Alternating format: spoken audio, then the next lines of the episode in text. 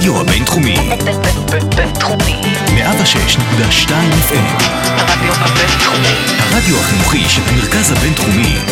לקום ישראל. 106.2 FM. מאחורי כל צחוק. פודקאסט על קומדיה ומה שמאחוריה. עם אלדד שטרית. מה המצב? איך אתם? איזה כיף שאתם איתנו. אה, אתם על מאחורי כל צחוק, והיום אני מארח כאן את ירמי שיק בלום, אה, האיש עם השם הכי מגניב בסטנדאפ.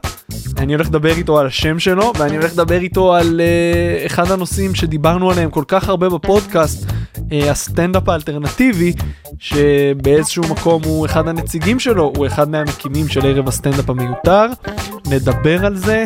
אה, וואו, יש לי כל כך הרבה שאלות לשאול אותו, גם על זה, גם על הסטנדאפ שלו, גם על זה שהוא אה, עשה מלא קומיקס. הוא אקטיביסט והוא נאם בהפגנה נגד שחיתות בפתח תקווה. בקיצור, ירמי הוא לא רק סטנדאפיסט, הוא גם שחקן, הוא שיחק באחיות המוצלחות שלי, סדרה שאני מאוד מאוד אוהב. אה, יש לי מלא על מה לדבר איתו, אז אה, בלי הרבה הקדמות, קבלו קטע סטנדאפ של ירמי שיק בלום ואת ירמי שיק בלום. יאללה תהנו. אוקיי, אה, במעבר חד. הרבה אנשים אומרים שמדינת ישראל קיימת בזכות היטלר ושבאנו לעולם בזכות היטלר. לא יודע, לא, לא חשבתי על זה מספיק כדי להגיד לכם מה אני חושב על זה, אני רק יכול להגיד לכם שאני חושב שיום הולדת זה דבר מאוד מטומטם לחגוג. כי מה זה לידה, אוקיי? כולנו פה נולדנו אותו דבר, או מהכוס של אמא שלנו, או מהתחת, או בניתוח קיסרי, ליד הלוויות, לא ליד הלוויות, עם חפלה, בלי חפלה, אבל זה אותו דבר. זה אותו דבר, זה לא מיוחד. מה כן מיוחד? היום שבו יצרו אותנו. בוא נחזור תשעה חודשים קודם.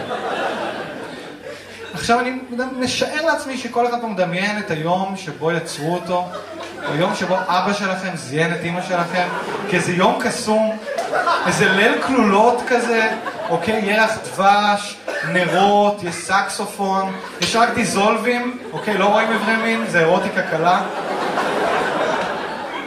רוב הסיכויים שזה לא היה ככה, אוקיי? עכשיו, אני לא רואה אתכם, אני אצביע על אדם אקראי. נגיד, אתה.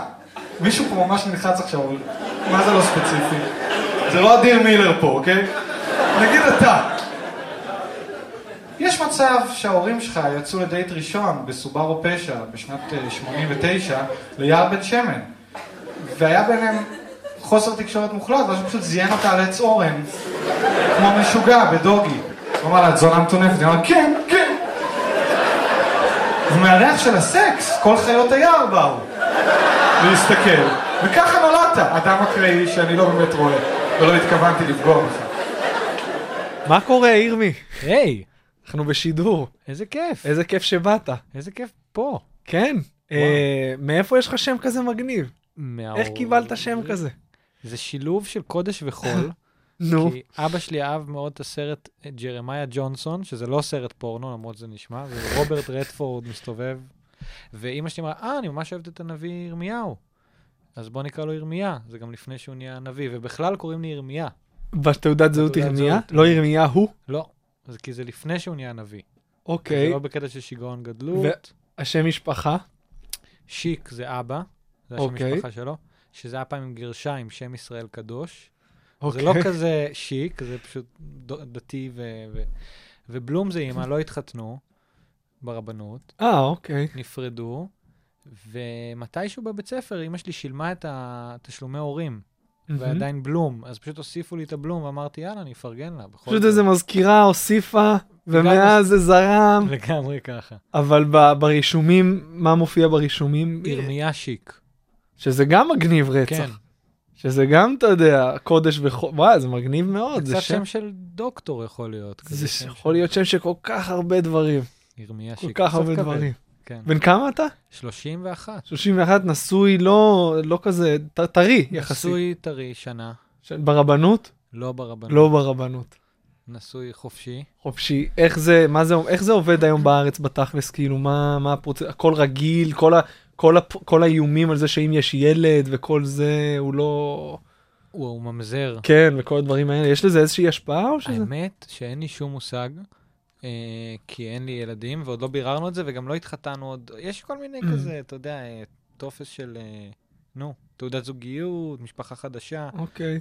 לא טיפלנו, פשוט עשינו מסיבה ממש יקרה. שזה לא כזה שונה מהסטנדרט, פשוט, פשוט לא היה מזרחית בטח. היה. היה. אני מאוד אוהב. באמת? אני ממש אוהב. וטבעת וזה, אבל מסורתי טבעת. כאילו יש. טבעת, הייתה חופה, היה חבר שחיתן, כן, כזה אלטרנטיבי המוכר. אלטרנטיבי הקלאסי, אבל כאילו זה מגניב שיש דברים שנשמרים, לא משנה מה, נגיד טבעת, בסוף אין נראה לי תרבות שאין טבעת נכון. בסוף, אז זה מגניב, אז אלטרנטיבי. אתה הנציג הראשון, ירמי, אתה הנציג הראשון של ה... מה שנקרא סטנדאפ האלטרנטיבי, אה, יש שיכנו אותו סטנדאפ, אה, אה, סצנת האיפסטרים, שאני לא מסכים עם הכינוי. גם אני לא. וכבוד גדול לייצג את החבורה הלא מלוכדת הזאת. כן, חבורה מאוד, כי אני לא חושב שיש חבורה, אין, יש, אין דבר כזה בסטנדאפ חבורה מלוכדת, זה חבורה של אינדיבידואלים. נכון. אבל בסופו של דבר, יש, כן יש משהו שמאחד את הערבים, שאתה התחלת בערב אצל תום יער, תכף נגיע לזה. מה אתה חושב שהדבר הזה שכן בסופו של דבר מגדיר את הקבוצה הזאת, מה, מהו הדבר הזה?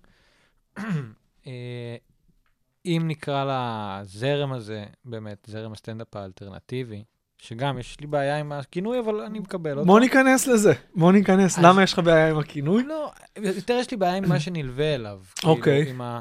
הסטנדאפ, הדור הצעיר של הסטנדאפ האלטרנטיבי, הדור החדש, כאילו, אה, לא כזה חדש, לא. כזה צעיר כבר, כאילו זה מין מחזורים של טיים-אאוט ו... וחבריו, כאילו, למצוא איזה. למצוא איזה תוכן, אוקיי. אבל אוקיי, כן נגיד אלטרנטיבי אני אקבל, אבל אני אומר, אה, נראה לי מה שמלקט את הדבר זה שעצוב להגיד, רובם הגדול של הסטנדאפיסטים בסטנדאפ האלטרנטיבי לא מעוניינים להיות סטנדאפיסטים. אמ, אוקיי. אה, לא, אבל הם עדיין עושים סטנדאפ. הם עושים סטנדאפ. אני לא אומר כולם, יש חלק שדווקא, גם עם השנים לאט לאט יוצאים עוד ועוד סטנדאפיסטים וסטנדאפיסטיות שזה ממש הדבר שלהם, אבל אני חושב שזה באמת היה איזה רצון של אנשים. אה, זה, זה דרך מאוד קלה לייצר תוכן, מהמם. סטנדאפ, במובן הזה שאתה כותב, אתה ישר יכול לבדוק את זה. כי אתה לא צריך לצלם עכשיו מערכון ולחכות לפיתוח של טלוויזיה. מהמם. ואני חושב שהרבה מאוד מהזרם הזה אמרו, טוב, כאילו גם הייתה תקופה כזאת שהרגיש ככה, אוקיי, אני מצחיק בפייסבוק, אה, אולי אני אעשה סטנדאפ, ואז גם אני אולי אגיע לטלוויזיה. זה כאילו הרגיש איזה מסלול שקורה, שנראה לי כבר לא כך קורה. יש לי היה- הרבה דברים להגיד. אבל לא, אני רוצה, אה, קודם כל, אה, כל- האם אתה מסכים שהמסלול הזה הוא אפשרי? שסטנדאפ זה איזה שיכול להיות קרש קפיצה למשהו גדול יותר? ברור. אה, אני חושב ש... אה, אתה מתכוון במובן של אה, מסטנדאפ להגיע לטלוויזיה או להגיע ל... כן, המסלול שעכשיו, אה, שעכשיו שעכשיו תיארת, אה, האם, האם זה מסלול שהוא אפשרי מבחינת הפורמט, שמה, מה שסטנדאפ דורש בשביל שהוא יהיה טוב?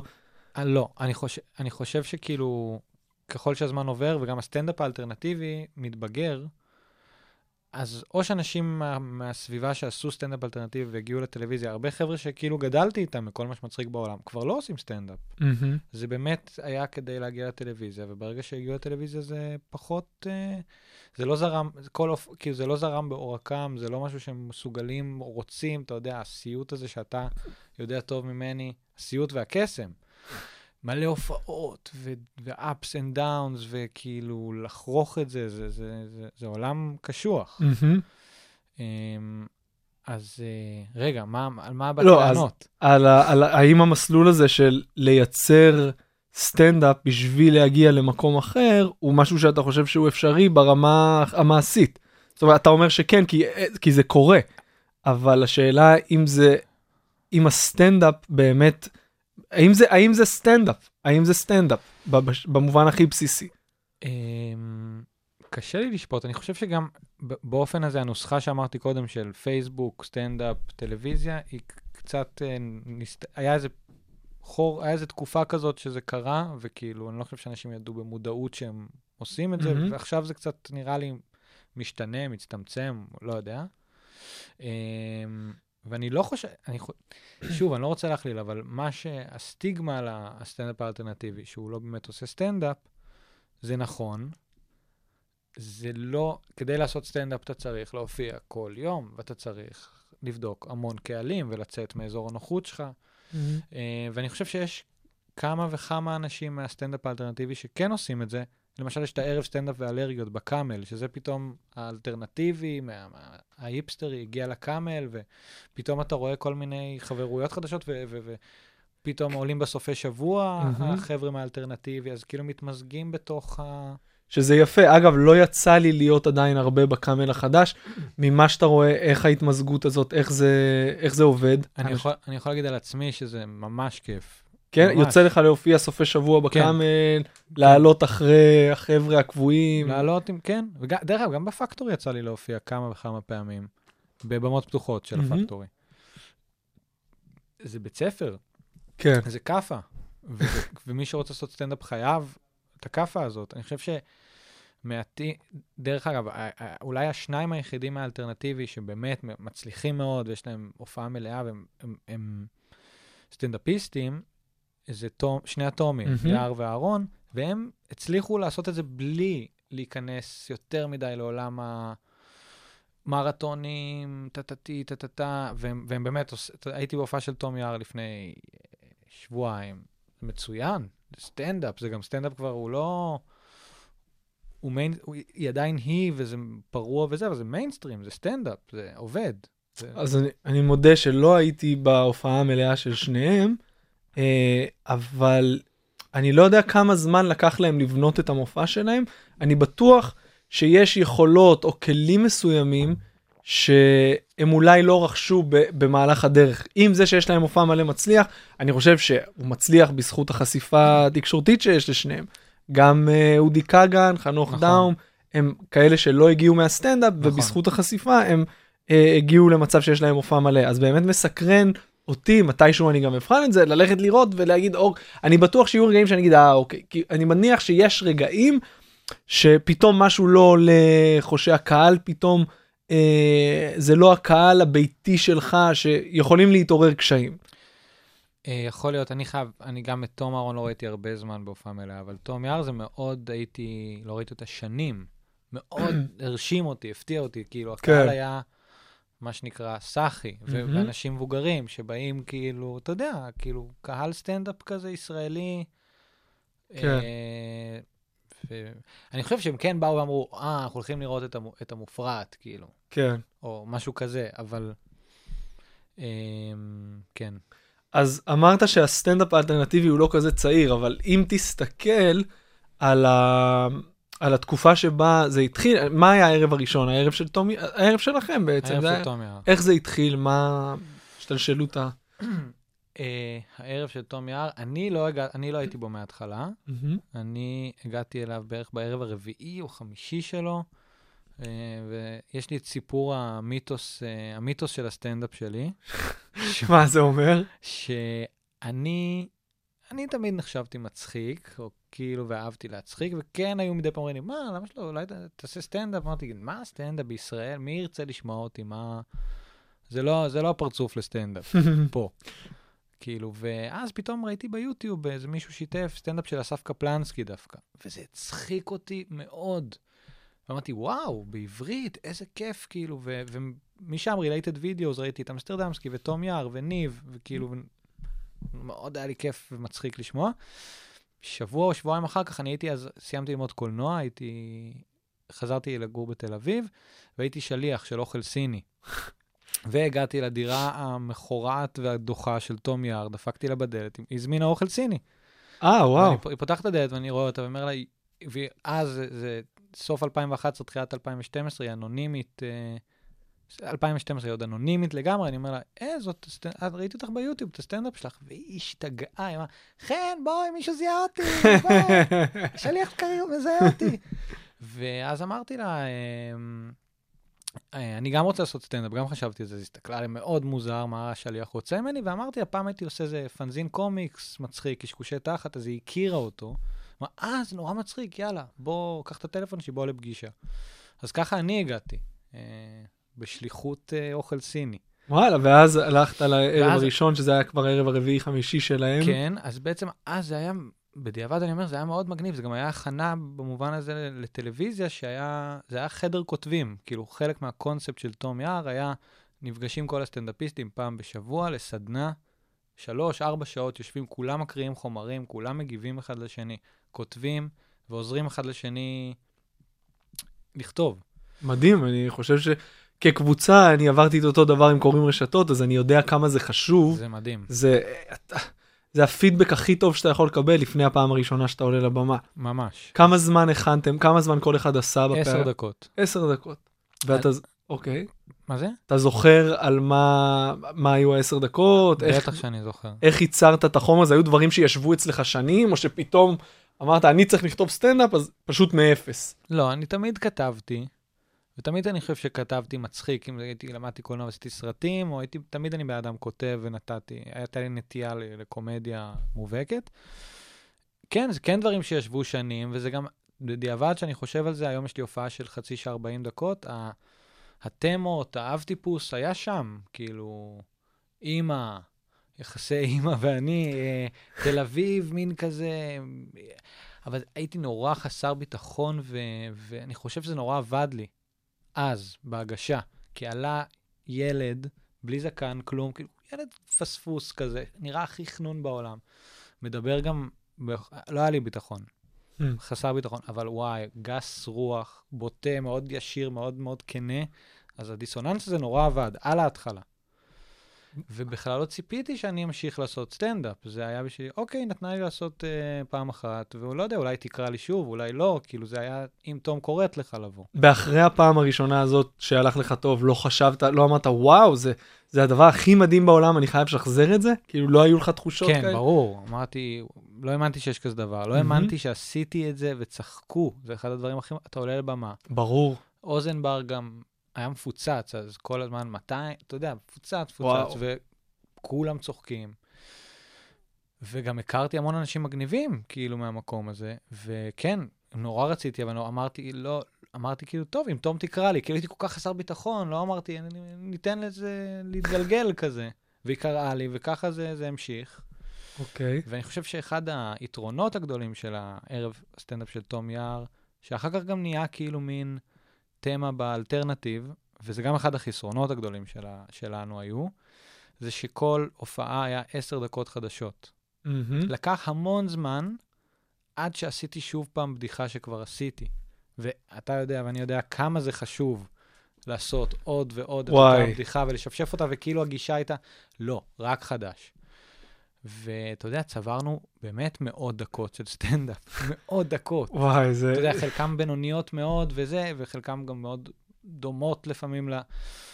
אבל לקח המון זמן עד שחזרתי ומחזרתי, ואני יכול, אם אני אקפוץ כמה שנים קדימה לכל מה שמצחיק בעולם, שהייתה לנו קבוצת סטנדאפ ומערכונים, מאוד הצליח, כאילו היינו ממלאים את סבתא הגדול, אה, והיה לנו איזה גרעין קשה של איזה 200 איש, נגיד, 200 חבר'ה, שהיו באים לכל הופעה.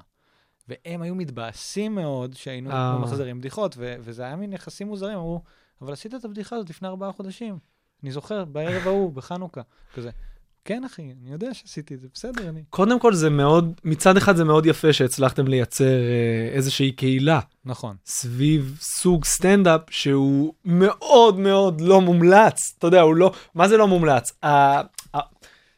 לכתוב בדיחות, חד- לכתוב עשר דקות חדשות כל שבוע, אה, זה משהו שמעבר לחומרים עצמם, יש משהו בפלואו של המופע שהולך לאיבוד. הרי קצב זה אחד הדברים, וחיבור בין בדיחות, וכשיש לך עוגן פתאום שאתה יודע לשלב, זה, זה דברים שהם כל כך אלמנטריים בסטנדאפ, בטח. שאז קודם, אז שוב, זה יפה שהצלחתם, אבל זה לא, זה, אני מניח שזה גם פגע, אה, פגע ב, ב, בפוטנציאל שלכם, הייתם יכולים להגיע למקומות מדהימים. אין ספק.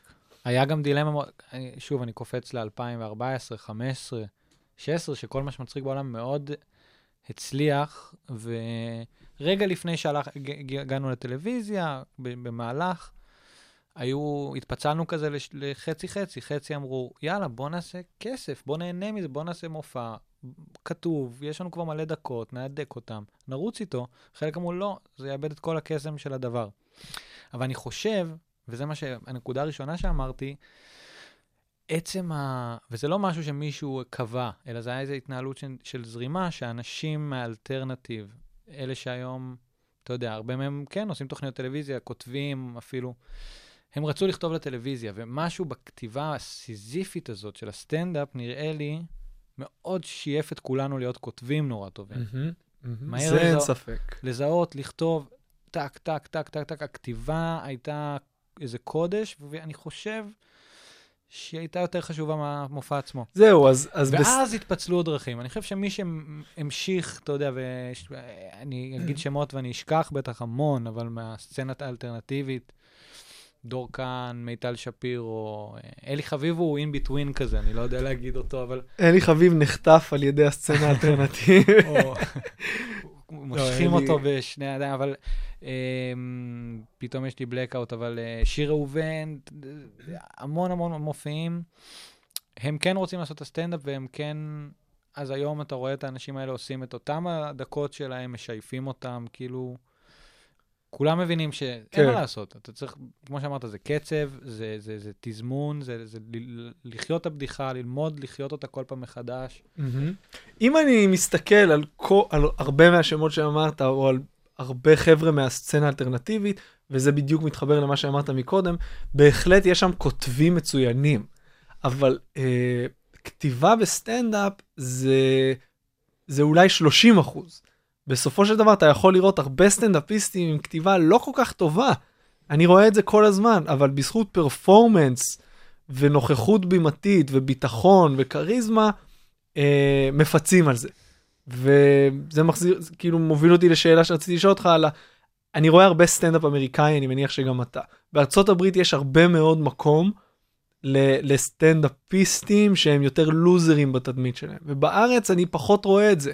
בארץ נכון. הקהל מאוד, אני שוב, אני מדבר על המיינסטרים, נמשך לכוחניות, לסטנדאפיסטים שהם, שהם, אתה יודע, שהם גבריים במהות שלהם, אם אנחנו זה מתייחסים. מאוד אה, ה-DNA הישראלי גם, במובן הזה, נכון? אמ, אז- מה- השאלה? אז האם אתה חושב שבסצנ... ב- בסצנה האלטרנטיבית יש איזשהו מקום, יש, האם זה מין קבוצה כזאת של חבר'ה שפחות יש להם את הביטחון והכריזמה הזאת, שאם תוציא אותם מאזור הנוחות שלהם, יהיה להם הר- הרבה יותר קשה. אז שני דברים. אחד, נראה לי שאני אתחיל להפנות את הר- את הראיון אליי, כי אני לא. כן, כן, כן, אנחנו... כי- לא, אני אגיד זה- לך מה, זה מעניין, בגלל שאני, אמרנו, אני גם הרמתי לעצמי, אני הנציג הראשון, כן, כן, אז אני לא יכול, אני נכון. כאילו לא רוצה גם אה, לענות בשם כולם, אני יכול רק, ל- אני אדבר על עצמי. יאללה, אני אדבר על מעכשיו. רק אתה. אה, אז מה מה אמרנו? האם סליחה. אתה מרגיש כשאתה, האם יש לך, האם כשאתה הולך לערב סטנדאפ לגיטימי בקאמל או מהמם. בפקטורי, אתה מרגיש שאתה שונה משאר הקומיקאים במובן הזה של, לא יודע, אולי חוסר ביטחון? אמ, אני חייב להגיד שגם אני למדתי את עצמי במהלך, תשמע, אני עושה כבר איזה שש שנים את הסטנדאפ. אה, מה שאמרתי לך קודם, נגיד, שכשעליתי בפעם הראשונה, הייתי מאוד חסר ביטחון על אמת, והתוכן היה נורא אה, בוטה, והדיסוננס הזה עבד, ואחרי כמה הופעות לא הייתי חסר ביטחון יותר. וניסיתי לחקות את החוסר ביטחון, כי חשבתי שזה קלף. וזה לא עבד, כי זה לא היה אמיתי. ולקח לי הרבה זמן למצוא שוב פעם את הקול שלי, שאני בן אדם, אה, אני, אני בן אדם כן כריזמטי, כן יודע, מאוד יודע לתקשר את עצמו, מאוד... ו, וזה משהו שגם המיותר, וגם שהוא קורה פשוט שבועי, ויש שם אינטראקציה עם קהל, וגם ההופעות בפקטורי, בקאמל, שכללו אותי. אני לא מפחד לפנות ל- ל- ל- לקהל, אם יש הקלר, אני, אני גם אוהב מאוד לשתות לפני הופעות. וברגע מהמם. שאני שותה, הקול שלי נהיה הרבה יותר עמוק, ואני נכון. נהיה די מפלצת. ויוצא ממני איזו גבריות, אולי שהיא בסוף מתפרשת אפילו קצת מעוותת, אבל יש בי את הכוחניות הזאת, יש בי את האלימות העצורה הזאת, שאני מאחל לעצמי, ואני עובד על זה, שאני לא אהיה תלוי באלכוהול בשבילה. כן? זהו, זה- אתה- זה לא זה פוג... סכנה. אתה מרגיש שזה פוגע בך לפעמים לשתות לפני בטח, הופעות? וואי, זה... בטח. ואני, ואני אגיד לך, זה ממש בעיה. אני ממש שנים לא יכולתי לעלות בלי אלכוהול. הפחד היה כל כך גדול, וברגע שאני שותה, הוא מתפוגג ואני נהיה מין פצצה של כריזמה ו- וחסר פחד לחלוטין. להנחות המיותר כל שבוע, פעם אחת הנחיתי אותו פיקח, פיקח לא מזמן, וזה היה נורא, ופתאום הבנתי, כולם מדברים כמה קשה במיותר. אמרתי, לא, מה קשה? וואי, קשה אתה פה, מסכים עם זה שקשה במיותר? קשה גם פה. חבר'ה מ- מהגרעין של המקימים טוענים שזה ערב קשה? אז אני אומר לך שהייתי פיקח פעם אחת, והרגשתי שהיה מאוד קשה. אני גם חושב שזה ערב שהוא נורא משתנה. יש פתאום ערב מדהים, שהכל מתחבר, כן. ו- וגם ברמה האנרגטית, ופתאום יש ערב נוראי, מביך, חלש. אמ, אבל אמ, אני כן מרגיש אבל ש- שמאוד ההגשה שלי השתנתה. זאת אומרת, מאוד נפ, נפתחתי ל... ללחיות הבמה. אתה יודע, מהמם. מה שאמרת קודם על, על הטקסטים, אתה יודע, אם פעם הייתי נורא כותב את זה. אתה יודע, כותב ומשנן, כאילו זה תיאטרון, אין כזה דבר. אתה יודע, היום התהליך הוא לנסות את זה, לכתוב, לכתוב את הנקודות, לחזור לזה, זה, זה, זה נבנה על הבמה, זה לא יכול להיבנות אחרת. מהמם. כאילו, זה, זה, זאת התובנה גם של ברגע שאתה מתחיל לרוץ על הופעות, לרוץ על סטנדאפ, כאילו... אז אה, אתה מרגיש שבמיותר אה, יש לך בית, אתה הרי, אתה מהמקימים של נכון. המיותר? נכון. ואיך זה קרה, איך זה התחיל? זה התחיל, אה, אני אגיד לצופים, של, למאזינים שלו, נגיד רק בשני מילים מה זה, לא כן, יודע. יכול להיות שאין, יכול נכון. להיות שלא יודעים מה זה. יאללה, לך על זה. אה, ערב הסטנדאפ המיותר הוא ערב סטנדאפ אה, האלטרנטיבי, במה הפתוחה האלטרנטיבית של האיפסטרים, אה, והוא אה, קיים ארבע שנים, הוא שבועי, היום, אה, כאילו בימי שני הוא, הוא, הוא, כבר 172 ערבים, זה מטורף. וואי, זה מלא. ושם באמת, מה שקרה זה שזה התחיל לפני ארבע שנים, שעמית קלינג ותום אהרון וגיא אדלר ואני נסענו להופיע בחיפה באיזו הופעה, ואמרנו, למה שלא תהיה לנו במה פתוחה? כאילו, היה אז מין, בסטנדאפ האלטרנטיבי, היו קבוצות של סטנדאפ. היה את כל מה שמצחיק בעולם, והיה את ערב סטנדאפ הזה, ואני לא זוכר את שאר השמות כבר, היו כאילו קבוצות שהיו פעם בחודש מתכנסות, חמישה-שישה סטנדאפיסטים, סטנדאפיסטיות, עושים הופעה, וזהו, זה פעם בחודש הם מופיעים. אמרנו, אנחנו רוצים להופיע יותר. וכן, אז, אתה יודע, אני יכול להעיד שזה היה מבורות מוחלטת, לא הכרתי ו... את הקאמל, את הפקטורי, וכאילו, כן היה איזה דיבור של כזה, לא, מה אתה, תלך לקאמל, מה, תלך, כאילו, היה לי- למה, למה זה היה הדיבור? אני לא יודע. אתה נרתעת מללכת למקומות האלה? או שלא נרתעתי. עם ה- ידעת איך זה עובד? אני אומר, לא- אצלי זה היה מבורות של כאילו גם, אתה יודע, באיזשהו מקום אמרנו, מה אנחנו צריכים את זה? הנה, אנחנו עושים ערב באוזן, פעם בחודש, באים 200-250 איש, יש לזה קהל, כותבים על זה. אחלה, לא צריך לבוא. כי כן מי שהיה בקאמל מהאלטרנטיבי סיפר כמה זה קשה. תום יער הייתה פעם אחת בקאמל, אני לא חושב שהיא חזרה. היה מאוד קשה, גם נראה לי תומר, אני לא יודע מי עוד. אז אמרנו, בוא נקים במה פתוחה משלנו. ו... וזה התחיל כמין עוד סדנת כתיבה כזאת, מאוד קטן. אה, זה היה, אני זוכר את הערב הראשון, אני הנחיתי אותו, כי פשוט אמרתי, טוב, יאללה, ואמרתי, טוב, מי רוצה להופיע? היו 12 סטנדאפיסטים בקהל. כזה, יאללה, ענת, אורן, יאללה, בואי, תנו. ענת אורן. הופיע בערב הראשון? ענת אורן, רון פלדמן, קלינג כמובן, אדלר, זה זה. ופתאום הוא, הוא גדל וגדל, ו, ואני זוכר את עצמי כאילו מגיע ל, ל, להר, הבא, להר סיני, לבר שהופענו בו, בתשע, הייתי כותב בפייסבוק, בתשע הרשמה. הייתי בא ואשכרה רושם אנשים, כאילו, אני זוכר. והיה, זה היה מפחיד, כי הייתי מגיע בתשע, וכבר בתשע היו 20 איש שהיו קופצים עליי. אני הייתי קודם, הייתי קודם, וזה תפס תאוצה, ואני זוכר בצוק איתן, היה ערב, ממש פרץ צוק איתן בקיץ של 2014, והיה ערב משוגע, היה איזה 100 איש, במקום נורא קטן.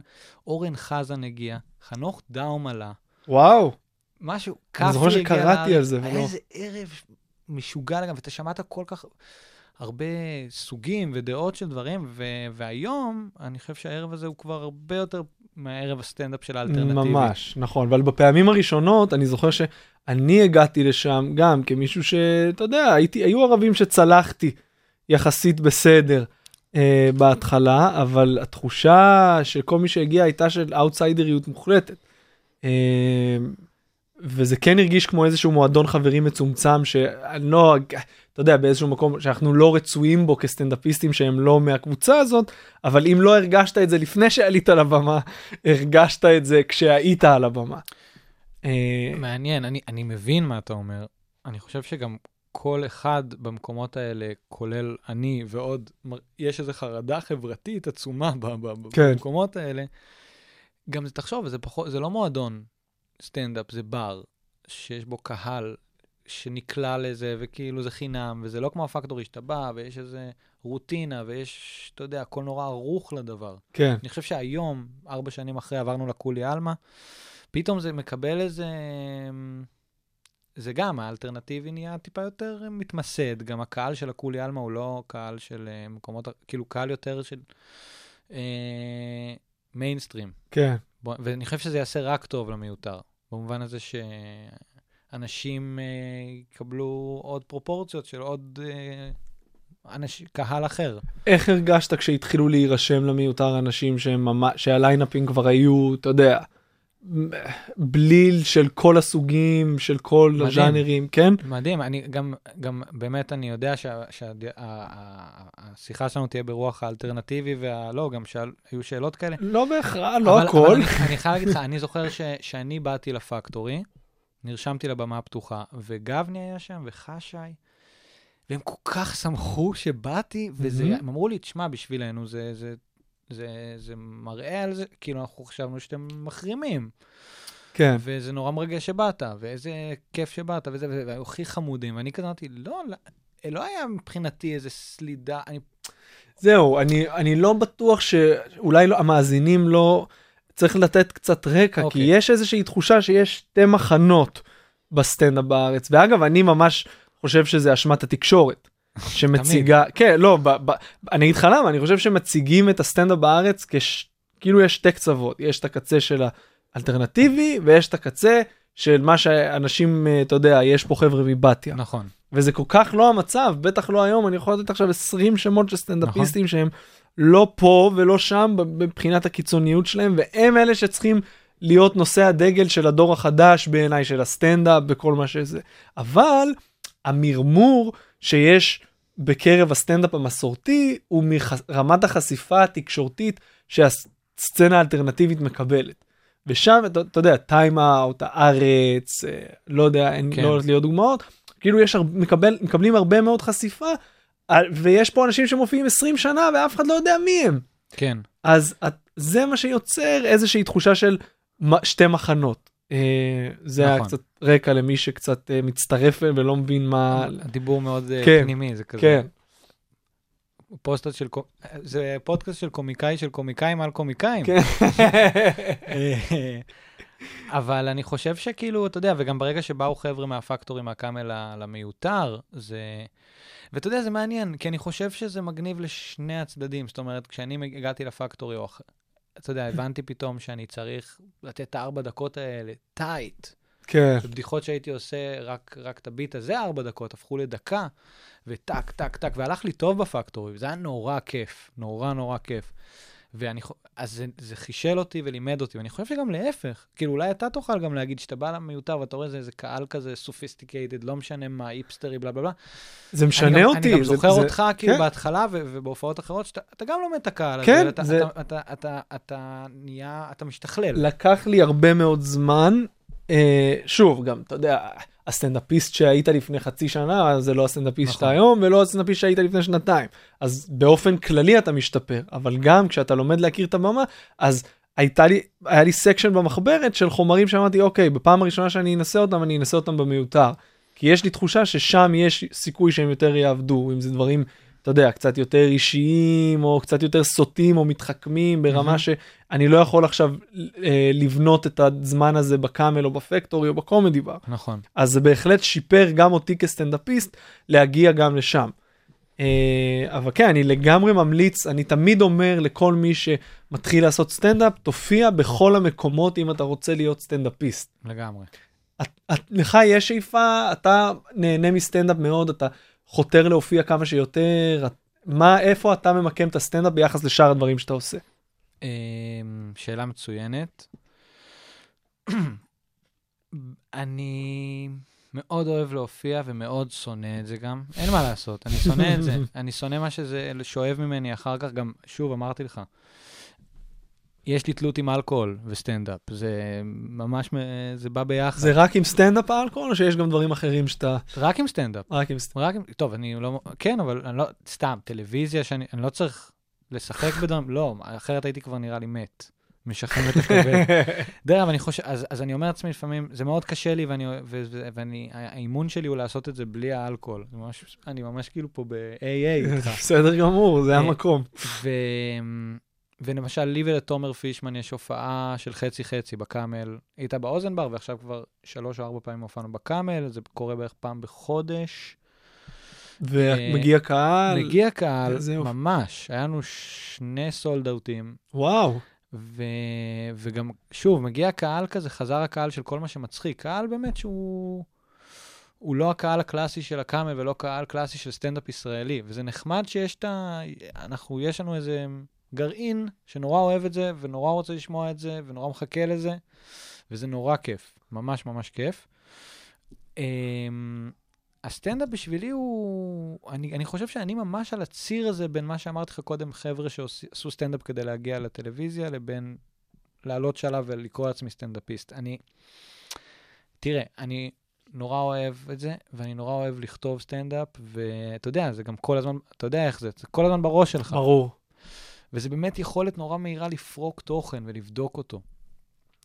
אמ, אבל אני יודע שהחומר שלי היום, זה לא חומר שיכול לרוץ שעה, הופעה, שש, מופע פתוח של שעה. תשמע, גם חצי שעה זה מרשים, להגיע לחצי כן, כן, שעה כן, של חומר. אבל אני לא מתכוון אפילו לכמות חומר, אני מתכוון לסוג החומר. סוג מהמם. החומר הזה, הוא לא יכול להיות מיינסטרים, הוא לא יביא קהל, ולכן השאיפה שלי לעשות, נגיד, כאילו, יש לי חלום מסוים לעשות אה, שעה ולהיות סטנד, כאילו, שיהיה לי מופע, אבל אני די ריאליסטי, אם אני רוצה להמשיך עם החומרים שאני מתעסק בהם, כרגע אני לא, אין לזה קהל. עשית חיבור בין, מי- אה, בין המיינסטרים לבין... אה, אתה חושב ש... כשאתה רואה אומנים מחו"ל שמגיעים לארץ, זה תמיד מפתיע אותי. זה תמיד מפתיע, אתה אומר, אני- איפה האנשים? הם לא לא... ברור. אז הם לא, אז לדעתי, אין להם במודעות את זה שיש היום סטנדאפ טוב, שהוא לא, היי, יש פה חבר'ה מבת ים, או נכון? מישהו בלי ביטחון זה בכלל. תמיד מפתיע שאתה רואה שלואי סי.קיי הגיע, ואתה אומר, וואו, אוקיי, איפה, מה, ב- עזוב סיינפלד שכולם גדלו על התור, אבל סתם, או, או אחרים אפילו, לא לואי סי, כאילו, במופע של סי.קיי שאלתי אנשים זרים, היי, למה, אתה בא גם לסטנדאפ רגיל? אמרו, לא, לא. אנחנו לא רואים סטנדאפ ישראלי. כן, זה מין דיבור אז כזה, זה כמו אני לא רואה סדרות ישראליות, ואני כן. לא שומע מוזיק, כאילו, רוק בעברית זה חרא, ו... אבל אני חושב שזה משתנה, וזה דיון שהיה לי עם הרבה מהאורחים שהגיעו לכאן. אה, ראו פרק עם שגיא פרידמן שהתעסקנו כמעט רק בזה, הוא לא מאמין שבעוד 10-15 שנה אה, לקהל יהיו העדפות אחרות. אני כן מאמין שהקהל בארץ לומד להכיר גם בזכות הרשת, אה, בעיקר בזכות הרשת, אם נדייק, את האמצע הזה, שיש פה סטנדאפ מעולה, חכם, אה, אישי מאוד, של הדור החדש, אז שצריך נכון, להיחשף. זו שאלה של לחצוב בסלע ולהתמיד, ואני כרגע, אה, אם אתה שואל אותי איפה אני ממקם את הסטנדאפ, הוא בתכלס זה דבר שאני עושה אותו די הרבה, אבל... אה, וזה פודקאסט על סטנדאפ וזה, אבל אני לא יודע אם זה המיין שלי, ואם אני יכול... לא לקחתי עוד את ההחלטה הזאת שצריך לקחת, שאני מופיע כל יום, בכל מקום, פעמיים, שלוש בערב. עוד לא עשיתי את זה. מהמם. וזו החלטה מודעת שעוד לא עשיתי את זה. אתה לא חושב שזה צללתי יכול לשם. לקרות?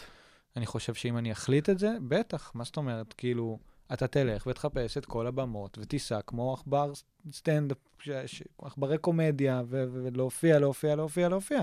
אז מה מונע ממך כרגע הדברים האחרים שאתה עושה, גם או הדברים, ה- הדברים היחסי האחרים, והשנאה? דברים האחרים, וכן, ואני עדיין יכול לה- להגיע לפיקים מטורפים של, אה, של מניה ודאונים מטורפים של דיפרסיה, באמת. ואני מרגיש שאני צריך להתבגר ולאזן את זה, כי זה חתיכת אה, מסע. זה חתיכת מסע לעשות, כאילו, להיות סטנדאפיסט פעיל של חמישה ימים בשבוע. זה, זה, זה הקרבה מטורפת. זה- אנשים לא מבינים כמה זה קשה. זה, כן. ו... אז אני על הציר בינתיים, אתה יודע, בין ה... כן עושה סטנדאפ, כן סטנדאפיסט פעיל, כן יש לי את ההופעה עם תומר. דרך אגב, בהקשר של שגיב, שאני עבדתי איתו גם ב... בתוכנית של קיציס בעוד כותרות, ואני מאוד אוהב אותו, אה, ביום שהיה לנו סולד אאוט בקאמל, לי ולתומר, היה הופעה מל... מפוצצת והיה נורא נורא מוצלח. זו הייתה הופעה מוקדמת, בשמונה וחצי, בעשר וחצי הערב ששגיב הופיע. והוא הסתכל, ואני כאילו הייתי כולי באנדרנלין של הופעה, לא כל כך דיברתי איתו הרבה, אבל הוא אמר לי, מי אלה האנשים האלה? זה לא קהל של הסטנדאפ פה. ואמרתי לו, כן, לא יודע, לא, לא נכנסתי אותו לדיון, אבל ראיתי שהוא מופתע מאוד, ומשהו שם לא ברור לו. וכן, אולי זה כן נותן את התקווה באמת, אתה יודע, כאילו, אני- ה- שאני ותומר עושים, שתומר ואני עושים את ההופעה הזאת של משקף עופר ואיש רגיל, כל פעם מחדש זה מפתיע אותי ומרגש אותי, הקהל הזה, הקהל האחר הזה שבא. אני אגיד לך מה, אני חושב שאם אתה ותומר, ואני ממש מאחל לכם מכל הלב שתצליחו, תעשו את המופע הזה בבאר שבע ובירושלים. אנחנו מופיעים ובחיפה. ב-13 לדצמבר בבאר שבע. אה, כן, כן, אנחנו מעולה. נוסעים, נוסעים לחיפה, נוסעים לירושלים, נוסעים. אז אם יש קהל ב, גם במקומות האלה למופע שלכם, זה אמור לתת תקווה לכל מי נכון. שעושה סטנדאפ שהוא, אה, נכון. בוא נגדיר נכון. אותו כסטנדאפ החדש. אבל אתה חושב שיש דבר כזה בסטנדאפ חדש? מה מגדיר את הדור שלנו, אנשים שהתחילו להופיע בארבע, חמש שנים האחרונות? אה, וואו, אני לא יודע מה מגדיר אותנו. אה, אם בכלל, אני מניח שאצל אה, כל אחד זה משהו אחר, אבל יש... אני חושב שוב שהייתה את, אני יכול להגיד על עצמי, שמהמקום שאני באתי, הייתה באמת המגמה הזאת של ה... לעשות סטנדאפ בשביל להגיע לטלוויזיה, לעשות סטנדאפ כדי להיות כותב, כדי להיות זה. זה... תראה, גם אה, הפייסבוק באמת שינה את זה, את כל התפיסה של כאילו... אה, גם ההרגשה שלפעמים אתה רואה שכאילו מישהו עושה סרטון, מופ... כזה מין טעימת כזה סטנדאפ, וזה, וזה, וזה זה הדבר... אה, שזה אגב גם כבר, אתה יודע, הייתה תקופה שכולם עשו את זה, עדיין אנשים עושים את זה, אבל זה הד- אדי הדלק האחרונים נכון. של הפורמט הזה. אז אני חושב שאנחנו, אתה יודע, אולי אנחנו ממש מגיעים לאיזה מצב ביניים כזה. גם, הנה, חמש שנים, שש שנים עברו, מ- נגיד, שש שנים עברו מערב הסטנדאפ של תום יער, ופריצת הסטנדאפ האלטרנטיבי, בלה בלה בלה. והתהליכים, אתה יודע, זה כאילו כמעט כמו הקמת מדינת ישראל, כאילו, זה כור היתוך כזה, אתה מבין? כאילו, מזרח, מערב, האלטרנטיבי, ה- איך, אני לא יודע איך קראת לה, איך קוראים לשני? הממוסד. לא, אין- לא, אין לו שם, לו נראה לי, צריך, קודם כל המסורתי. צריך למצוא שהמסורתי, כן. המסורתי האלטרנטיבי, ופתאום יש איזה כור היתוך.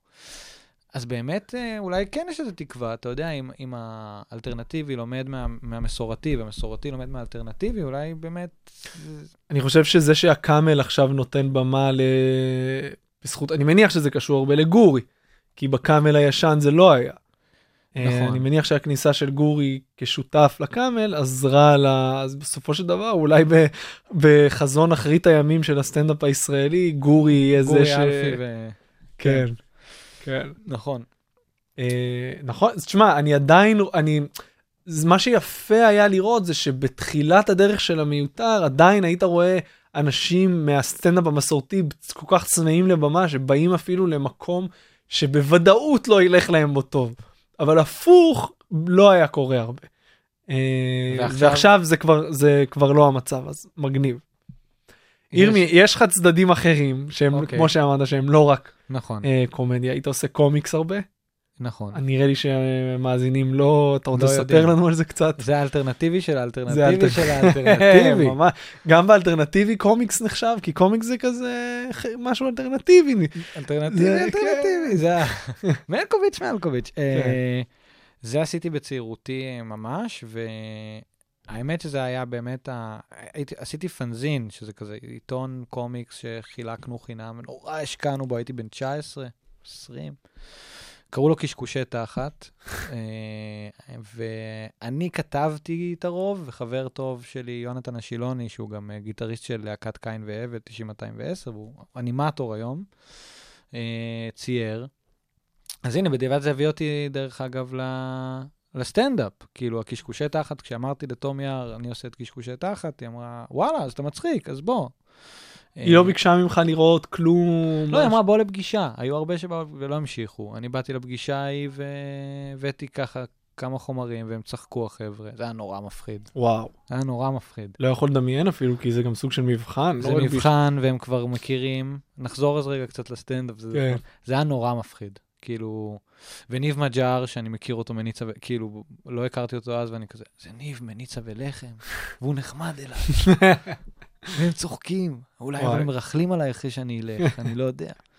אמ, אבל, אבל הפנזין הזה, קשקושי תחת, האמת שהוא היה איזשהו... אה, זה גם היה רגע לפני שנפתח פייסבוק, ממש. Mm. ו... והיה עוד איזה, לי היה איזה רומנטיקה של פרינט. כאילו, נורא רציתי לעשות מדור סאטירי בעיתון, זה היה כזה חלום. שדרך אגב, די הגשמתי אותו, אם היה לי את הטור אה, בפרשת השבוע במוסף הארץ, וואו. שהוא היה זה, נכון? וזה כיף. אז זה היה מין אה, מעבדה כזאת להמון המון שטויות, זה היה מטומטם וגס ונונסנס וגם פוליטי וגם קצת אה, סיפורי ופשוט בלגן של תוכן, והמון המון המון המון. אז אה, היה נורא כיף, והיה נורא כיף, כאילו גם לקחנו את זה נורא ברצינות, הדפסנו את זה ממש טוב, התקרחנו ונסענו. לח... אני הייתי נוסע עם קטנוע בכל תל אביב, לשים את זה במקומות, ונסענו לחיפה ולבאר שבע, קצת כמו הסטנדאפ, נסענו לחיפה, לבאר שבע, לירושלים, וחילקנו את זה שם. ועד היום לפעמים אני מקבל תגובות מחבר'ה בני 30 פלוס כזה, שוואלה, עדיין יש לי קשקושי תחת בבית, איזה כיף זה היה, וזה כזה איזה מין פריט אספנים אה, נדיר מאוד. והיום אתה עדיין, אה, עדיין מתעסק בקומיקס, או ש... אז זהו, תשמע, אני הייתי יותר בצד של הכתיבה תמיד. אני אוהב צייר, אבל אני לא צייר, כאילו, אני לא קומיקסאי במובן של הלצייר, אבל אה, במובן של אה, טקסטים, גדלים שונים של טקסטים וסוגים שונים של טקסטים, זה, אני עדיין מחפש, כן, במובן הזה. אה, אבל לא, לא במובן המסורתי של קומיקס. אה, מה עם, הצ... מה עם הצד האקטיביסטי שלך? הלכת ל... נאמת בהפגנה נכון. נגד, איזה הפגנה זו הייתה? נגד שחיתות? הפגנה נגד השחיתות, שהתחילה כ... כהפגנות בפתח תקווה. כן, זה משהו שתמיד היה בי, אמ, מאז שרצחו את רבין. באמת? והאמת שאני זוכר את זה ממש, שרצחו- שרבין נרצח הייתי בן שמונה, ופתאום עניין אותי פוליטיקה מאוד. ואני ממש זוכר שכמו שאתה כזה משנן אה, שחקנים שאתה אוהב, שחקני כדורגל שאתה אוהב, או כוכבים, אז התחלתי לשנן מי החברי כנסת והשרים. וואו, ממש, חבל קטן. שלא היה סופר גול לחברי נכון. כנסת. יכול נכון. להיות להיט. וזה עניין אותי, וזה, וזה, ו... וכאילו הצד הזה תמיד, תמיד גם יש בי איזה אשמה מסוימת שאני לא, שאני לא הולך על זה עד הסוף. יש לי איזה חבר שהוא במאי, יונתן גורפינקל, שעשה את שש פעמים, את הסרט הזה, הוא אמר לי, אני, האשמה הכי גדולה שלי בחיים זה שאני לא מקדיש את חיי למאבקים חברתיים ול... ולמהפכה, וזה כאילו, משם כל הרצון ליצור נובע, מזה שאני לא עושה את זה, וגם לי הרבה פעמים יש את זה, המון פעמים. זה מתבטא בסטנדאפ? זה רעיונות שאתה מביא איתך לבמה, או שזה אזור אחר שאתה מתעסק בו בנפרד? אני לא אוהב להיות דידקטי בסטנדאפ, והרבה פעמים, תראה, גם יש לי בעיה מאוד, אני עבדתי בתוכניות סאטירה ו- והייתי פאנליסט בתוכנית סאטירה. הפאנצ'ים הסאטיריים מאוד מרדדים את השיח, לשני הכיוונים בעיניי, כי זה לא באמת סאטירי. ומשהו בעידן שלנו כבר סאטירה זה דבר מאוד, מרגיש לי כבר לא, קצת לא רלוונטי, לא יודע, כאילו, בטח פאנצ'ים. אז מה כן? אני חושב שעצם אה, עשייה של דברים אחרים, שמראים עולם אחר, שחושף, כאילו, הם, הם הרבה יותר אה, חזקים, ו- ו- ו- ו- ולהיות אה, אשכרה, אשכרה לעשות, כאילו, מעבר ללכתוב פאנצ'ים. זה, אז, אז, אז, אז בסטנדאפ שלי, אני, אתה יודע, אני כן מאמין שהכל פוליטי, אז במובן הזה, אם אני מדבר על, לא יודע מה, על היחסים שלי עם אה, אימא שלי, או על, על הדרך שאני מדבר בה, על, אה, על, על אם התגייסתי לצבא או לא התגייסתי לצבא, זה כבר פוליטי בעיניי. התגייסת? לא, לא הייתי בצבא. לא היית? לא. למה? אני משתמט. באמת. אבל עשיתי שירות לאומי, באמת. כן. מה- למה לא לאומי. התגייסת ואיפה עשית שירות לאומי? אה, למה לא התגייסתי? כי אני תל אביבי מסריח.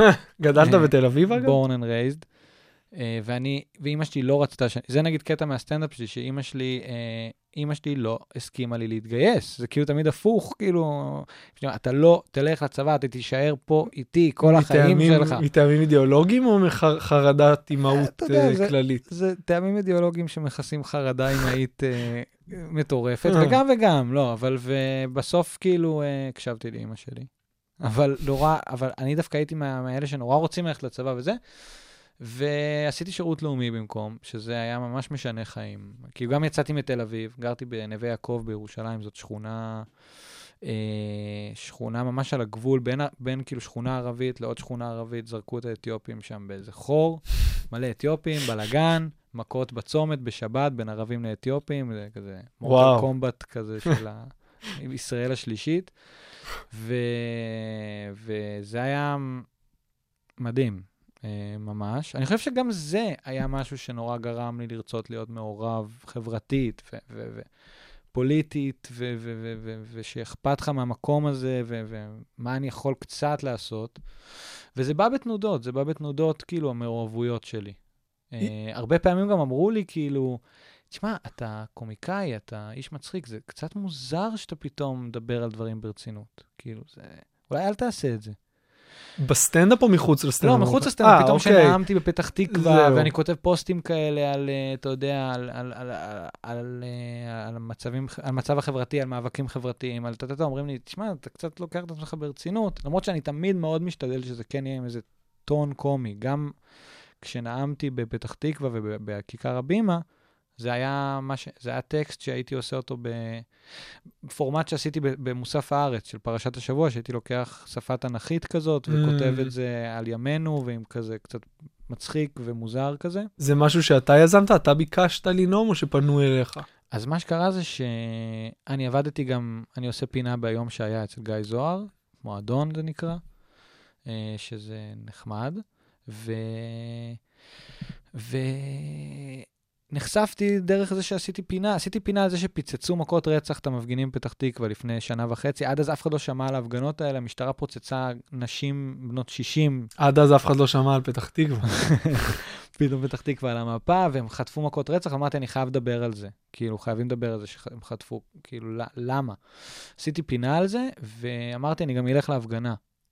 פעם אחת, נראה מה זה, והם כל כך, הי- הייתי סלב שם, כי דיברתי עליהם בערוץ 10. הם כל כך שמחו וזה, ו- ו- וגם זה היה באמת איזה רגעים כאלה של תקווה, שגם באים והולכים, שאתה אומר, וואי, אנשים יצאו להפגין בפתח תקווה, וזה לא... זה לא שמאל אשכנזי מדושן בתל אביב שעושה הפגנה בכיכר הבימה ומתבייש אפילו לצעוק אה, סיסמאות, כי הם כאלה מודעים לעצמם, וכולם כזה, "אה, יונות שלום זקנות, עם דירות בבורוכוב, כזה. לא, זה משהו אחר, וזה אנשים, כאילו, זה ישראל, וזה זה קורה. אז הלכתי כל שבוע, הלכתי כל שבוע, והיה לי חשוב לי נורא להזמין. אמרתי לחברים שלי שכזה גם כמוני, מין רגשות אשם שהם לא עושים כלום, בואו לפתח תקווה, בואו נראה להם ש- שאנחנו תומכים בהם, שאנחנו גם. ופעם אחת חזרתי נורא עצבני הביתה, ו- ואמרתי לאסיה, כאילו, די, טה-טה-טה, נאמתי לה איזה נאום, כאילו, מתוס- תסכול פוליטי כזה, היא אמרה, אז לך פתח תקווה, תגיד את זה שם. אז אמרתי, ניסיתי, אמרתי, תגידו, אפשר לעלות? וזה, אמרו לי, טוב, תעלה בסוף, בסדר, תעלה בסוף. עליתי, סגרת את הערב. ונתתי שם הופעה, וואי. בום, כאילו, ואתה יודע, אני גם יודע להיות על במה. וזה, בדיוק. הרוב שם לא, רובם לא מאוד כריזמטיים על הנואמים, והם התלהבו, ומישהו צעיר כזה, ונתתי גם בדיחות, ו- ו- וזה, וזה ממש התפוצץ. אה, ואז הייתה את ההפגנה בהבימה, שתשמע, תכל'ס ההופעה הכי גדולה שהייתה לי בחיים. וואו, כמה אנשים? מול איזה 20 אלף איש, וואו. משהו מטורף. אפילו אה, סיקי לא הביא כל כך הרבה. כן, אה? זה היה משהו פסיכי, וגם צחקו, אתה יודע, הצחקתי אותם. איך זה 20,000 לא הופיע מול כל כך. הרבה אנשים? פחות מפחיד מסטנדאפ. זה הרבה פחות מפחיד הרבה מסטנדאפ. פחות. הרבה פחות. יש משהו מנותק, זה כל כך... זה כבר מעבר, כן. ואתה אתה גם על איזה גלים Mm. של... למרות שאתה היה גם, נואמים לא... היה, כאילו, המופיעים לפניי לא היו מדהימים, אז לא הרימו, האווירה לא הייתה זה, אבל פיצצתי את זה.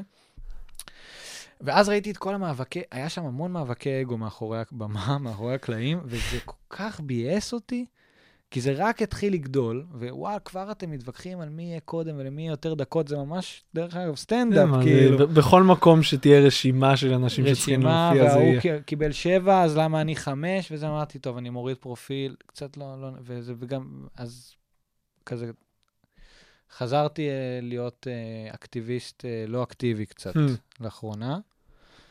אה, אלו תולדותיי כאקטיביסט. הייתי גם יושב ראש מועצת תלמידים בכיתה ה'. וואו, עיר משיק יושב ראש מדליק. הייתי מאוד מושחת. היית מצחיק כילד גם, אני מבין. לא נראה לי. לא היית מצחיק? הייתי כאילו, נראה לי שאתה ראית, יש את הסדרה הזאת על הסטנדאפ, אה, ש... Crashing? Crashing. כן. שזה על סטנדאפיסט שמחפש את דרכו, מהמם. ואז הוא הולך, אה, הוא פוגש איזה שני תאומים, קומיקאים כאלה, שאומרים לו, נכון. אתה לא הולך ל... איך, כשהיית ילד, היית מאלה שצוחקים על ילדים שהם. הומואים, או היו צוחקים עליך שאתה הומו? זהו. אז הוא אומר, צחקו עליי שאני הומו, אז אז אתה צריך ללכת לאלטרנטיבי. אני זוכר את זה. מעולה. האמת שזה נחמד גם בהקשר נכון, זה הזה, נכון. ואני הייתי מאלה שצוחקים עליו שהוא משקף עופר ושמן וזה, ולא הייתי כאילו מצחיק. זה היה לגמרי מנגנון הגנה של כאילו, במקום... הייתי בוכה, אשכרה, שמישהו אומר לי, משקף עופר. הייתי כל כך רגיש, היית בוכה? לא מצליח להחזיק את זה, באוטובוס ליד כולם. ואז הבנתי שאני חייב קצת איזה, איזה שכבת מגן. אז נהייתי קצת, אז נהייתי מצחיק בשביל לשרוד במובן הזה, כאילו... אז פיט הולמס צדק.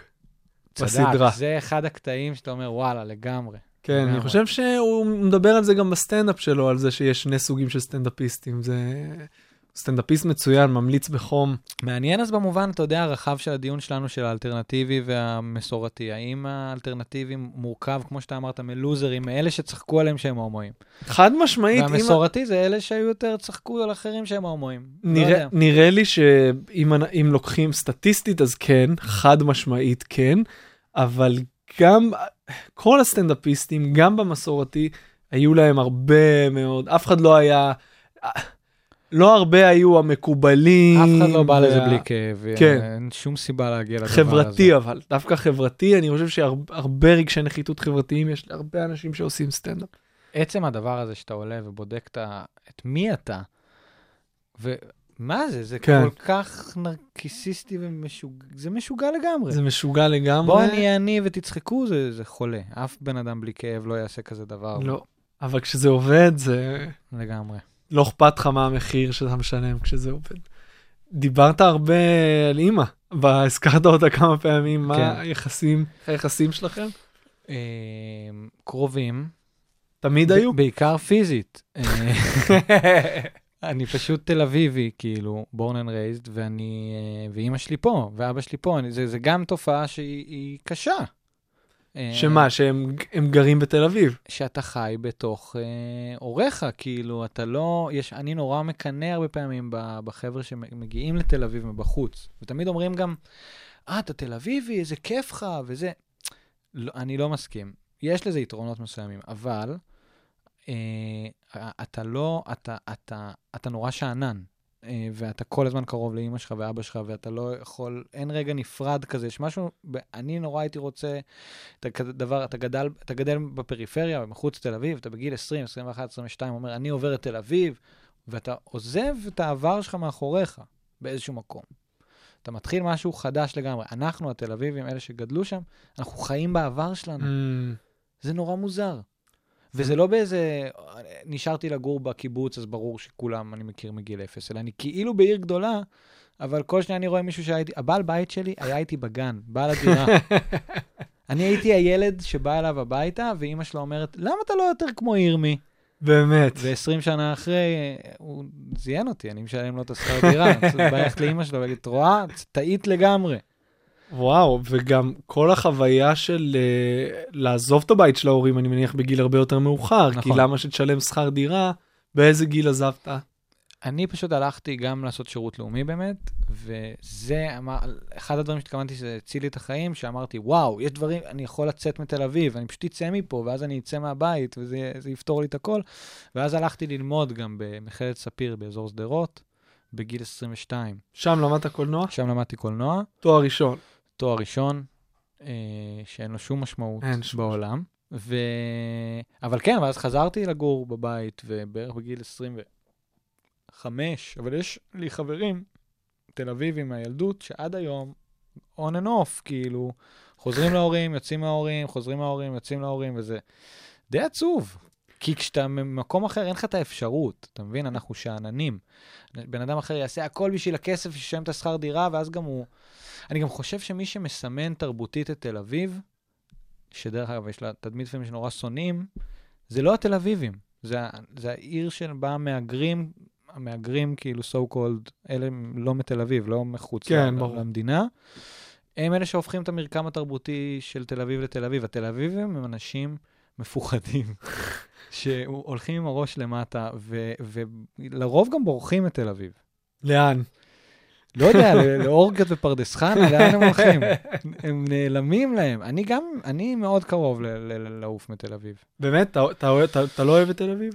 אני שם כל החיים, ואני ואסיה, זוגתי, מדברים על כאילו אולי שנה הבאה לצאת, כי זה חונק. ועכשיו אני גם עברתי לגור בפלורנטין עם אסיה, ואימא שלי גרה בפלורנטין, אני גדלתי בפלורנטין, באמת? איפה? כן. באיזה אזור? בנחלת בנימין וולפסון, ממש פלורנטין. וואו. כן, שיממתי אותך, אה? לא, לא. בוא נדבר זה על לא פסטה. אתה. זה לא אתה. לא, זה יום ארוך. אה, גדלתי בפלורנטין, שזה מוזר, נכון? זה מוזר. מוזר, פלורנטין זה לא לא מקום. שגדלים שם, זה פשוט נקלעים לשם בגיל 25. נכון.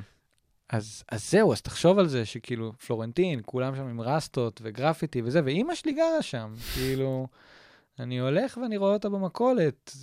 אני לא רואה אנשים בגילה שם שהם לא הומלסים. זהו. אין שם אנשים, אין שם מבוגרים רגילים. אני חושב שהרבה פעמים אנשים אומרים לי, הלכתי ברחוב, אני לא בטוח באמת אם זאת אימא שלך או הצועניה המוזרה ש... שגרה על שטיח בפינה, כאילו, כן. אבל אה, נכון, זה, זה מאוד מוזר. איך, אה, איך אסיה עם הקומדיה שלך, היא באה להופעות, רואה, עוזרת לך לכתוב, אתה מתייעץ איתה? אמ, א', היא פתחה לי פתח אה, עולם שלם של בדיחות אשתי, Mm, שאיתם אני יכול להצליח גם מסחרית. קשה מאוד להגיד אשתי בסטנדאפ בלי נכון. להרגיש איזושהי צרימה. נכון? גם לי זה ממש מוזר אני כשאני אומר את תמיד זה. מתנצל ותמיד יש לי את אותה בדיחה, וואלה, אשתי, כן, יש בדיחות אשתי, וואלה, איך אשתי אוהבת לגהץ, אבל לא את הבגדים, את האשראי, את האשראי. וצוחקים, אני כזה, אומר, וואי, אני אעשה מלא כאלה, זה כיף. אבל um, ככה, אני, היא, היא מאוד ביקורתית אל, אל הקומדיה שלי. היא לא אוהבת את הקקי פיפי. אה, והרבה היא עוזרת, אתה יודע, אתה בזוגיות ואתה מצחיקים, אני מצחיק אותה, היא מצחיקה אותי בטבעיות, זה הרבה פעמים נורא כיף, כי אני ישר רושם ולוקח לי ל... היא עוזרת לי בסטנדאפ, לפעמים בלי שהיא יודעת, לפעמים כי אני גונב ממנה דברים, ואני לא אוהב שהיא באה להופעות. אני ממש לא אוהב את זה. אה, בקטע קצת קיצוני, אני כאילו אומר לה לא לבוא להופעות. למה? בהתחלה- היא הייתה באה, ואני פשוט אמרתי לך, אני משוגע, אני שותה, אני מאוד חסר ביטחון, ואז כשאני יוצא מהסטנדאפ, אני מתחיל לחפור לה את השכל, אני אומר היה טוב? אומרת, כן, היה מעולה. אומר לא, אל תגיד לי סתם, היה טוב, כאילו היה מצחיק, צחקו, כן, כן. כאילו בבית, אתה יודע, אתה- כשאתה אומר את זה בבית, זה טיפה יותר מצחיק, כי זה יותר טבעי, אבל... אה, זה לא היה טוב, אוקיי, שיקרת לי, שיקרת לי, ואז מתחיל כאילו לופ שלם. אז אמרתי, עזבי אסיה, לטובת היחסים, אל תבואי לסטנדאפ. את לא צריכה לדעת מזה. אני אעשה את זה, לא יהיה לי את מי להש... אני, אני סתם, אני תמיד אוכל להאשים אותך שאת, שאת משקרת לי. זה מורכב להביא אישה לסטנדאפ, כי אתה כל הזמן מודע לנוכחות שלה שם. ואתה- נורא. אשתי באה ביום חמישי, היא באה לראות אותי אחרי תשעה חודשים, שהיא לא ראתה אותי בגלל הילד וזה. ואתה יודע, ולמזלי זה היה מופע טוב, אז היא אמרה, וואו, איך השתפרת, וזה, ואני כזה. אבל אם היא באה להופעות, אתה רואה את במבט שלה בעיניים, שהיא מבינה מה היה שם, הרי אף כן. אחד לא יגיד לך, לא היית טוב, וזה מאוד קשה כשזה עם הבת זוג. נכון. גם זה כאילו איזה, אתה יודע, זה עולם מקביל כזה, אתה גם מגיע להופעה ואתה מאוד בעצמך, או בדבר הזה עם הסטנדאפיסטים, וכאילו, זה עולם אחר מבחינתי. כן. אני כאילו מנסה לא לערבב אותו כדי לשמור על שלום בית. כן. יש לך, יש לך נושאים שאתה לא, ש, שצחקת עליהם בעבר ואתה לא מוכן יותר להתייחס אליהם בסטנדאפ, יש לך גבולות, דברים שלמדת בעקבות... כן. תראה, בכלל, גם במובן הזה של הומור קקי פיפי, שהיה אה, ממש אבות המזון של הסטנדאפ האלטרנטיבי, וגם שלי, אתה יודע, הכי כיף וזה. אז מתבגרים, וכאילו, כן, אני מאוד אוהב אותו, וזה מצחיק. ודרך אגב, כשזה מצחיק, זה מצחיק. כן. אני חושב על כל דבר. נכון. אבל אה, כן לחפש את ה... את ה... אה, אתה יודע, את המשמעות שלו. אני אתן לך דוגמה, אני לא אספר את זה במלא, אבל כבר חודש וחצי רץ לי ביט בראש על ארי נשר, זיכרונו לברכה. מה זה רץ לי בראש? כשאני פוגש חברים, אני מדבר על זה. והם צוחקים רצח, וגם אני נורא, אני חושב שזה גם מחשבה מגניבה ו- ומעניינת וזה, וגם זה כיף, כי זה נורא טאבו. וכולם אמרו לי, אין לך איפה, אין לך מה לעשות עם זה, אתה לא יכול להגיד את זה. אתה לא יכול להגיד את הדבר הזה. ו- והם צוחקים כשהם אומרים את זה. אתה לא יכול להגיד את זה אם זו לא הדמות שלך על הבמה. אם כל הבדיחות שלך היו כאלה, אה, אז, אז עשיתי את זה במיותר לפני שבועיים, אוקיי. וזה היה מדהים, ונורא נהניתי, כי אני לא יודע, אני לא יודע אם תבין מה אני אומר, אתה, כאילו, נראה לי תבין. יש כאילו שני סוגים של כיף שצוחקים ממך. יש סוג אחד שפשוט צוחקים ממך, שאתה מספר את הבדיחה והפאנץ' נפל וצוחקים וזה כיף גדול. הדבר השני זה שאתה עול, לוקח אותם איתך. כן. וזה צריך לזה זמן ועקשנות, וכאילו, זה לא תמיד, זה לא יכול לעבוד בבמות פתוחות של חמש דקות, בטוח לא. לא. והתחלתי את הביט על ארי נשר, והם היו, ראיתי אותם דרוכים כזה, ומחזיקים את עצמם, ופתאום הייתה איזו התנגדות אליי. ואני המשכתי, ואני המשכתי, והיה איזה אי נוחות, ואז הם התחילו לצחוק, ולא היה נעים להם שהם צוחקים, ואז וואי. ממש צחקו, ממש צחקו. ואתה יודע, בתוך ה... מי שהיה שם, כל הזמן מדברים איתי על הקטע הזה, אומרים, שמע, זה היה קטע מדהים, זה היה נורא כיף. אז כאילו, במובן הזה, אני חושב שאני יכול, אני לא אספר את זה, גם כי לא נעים לי, אני משאיר את זה עדיין על הבמות, אבל הייתה שם נקודה, הייתה שם נקודה שהיא לא קשורה לארי נשר, היא יותר קשורה, אתה יודע, לאופניים חשמליים, ו- כן. ושינוי חקיקה, ואיך הדברים האלה קורים. עשית לי חשק לשמוע את הביט. אה, אני מפחד על עצמי, כי לדבר הזה יש מאזינים, אני לא רוצה להכעיס, פתאום קומיקאי, איכשהו זה יהיה, קומיקאי צוחק על ארי נשר, אני לא יודע, אני קצת מפחד. אה, ארז בירנבוים ואלעד גלעדי עברו בשלום את כן? ההקלטות. אבל... אה, תשמע, בגדול אמרתי שהוא מת כמו ילד זין בשדרות רוקח. הוא מת כמו ילד זין בשדרות רוקח, ופשוט הפכו את זה למין כאילו הוא נקטף לנו, כאילו הוא נקטף לנו באיזה מבצע בעזה, ועם כל הכבוד, הוא מת על אופניים חשמליים. שדרות רוקח זה כביש מאוד ראשי, לא אמורים, כאילו, ועוד הרכבת, כאילו, הפכו, והבן אדם שינה חקיקה, כאילו, זה, זה, מה, מה זה אומר הדבר הזה? זה...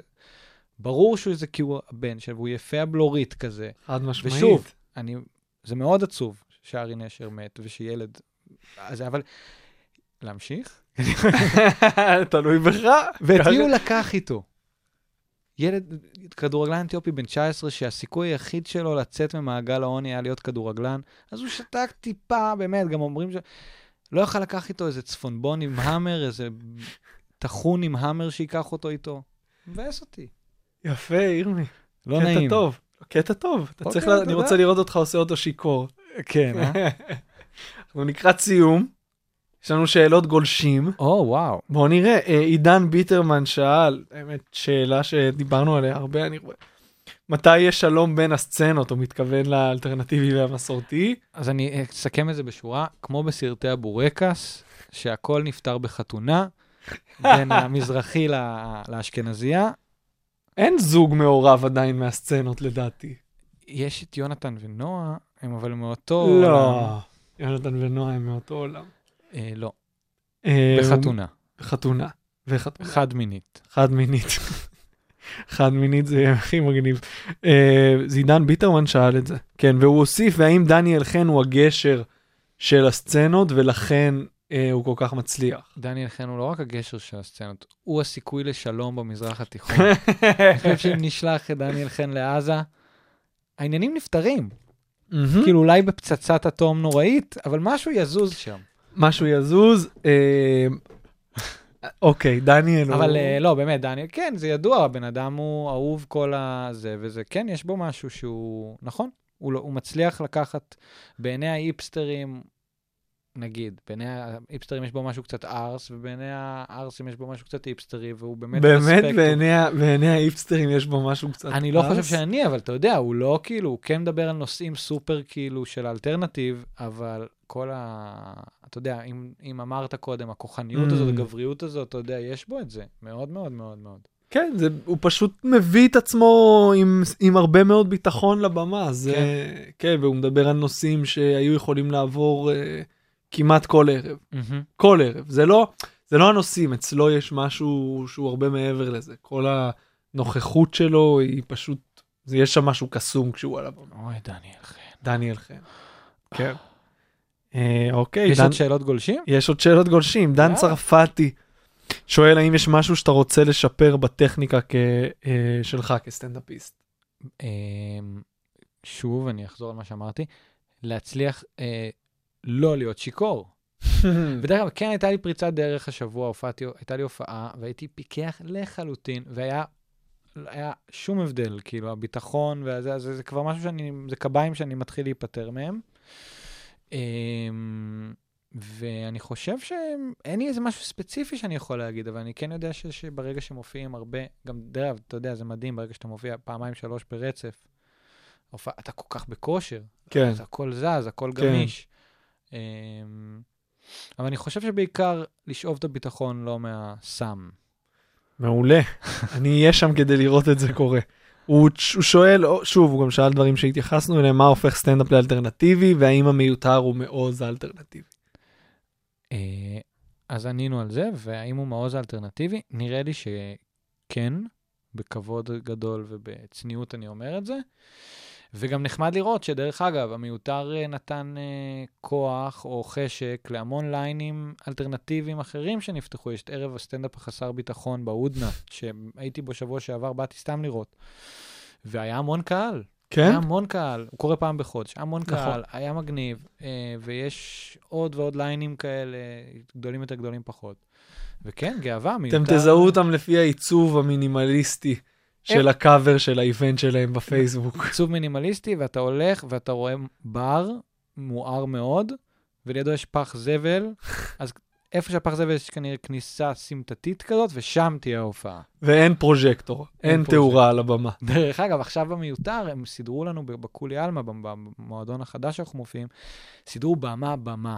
ופרוז'קטור, אתה יודע, תומאס כזה, ואמרנו אה. בהתחלה, תשמעו, בערב הראשון, בוא נעמעם קצת את התומאס, אני לא יודע אם אנשים רגילים פה לדבר הזה. אנשים לא יודעים להתמודד כן. עם הבעות פנים כן, ומימיקות מוגזמות. תן להם טיפה, נרגיל אותם לאט-לאט, שזה לא יהיה ישר כל כך מקצועי, כאילו, וואו, מה זה?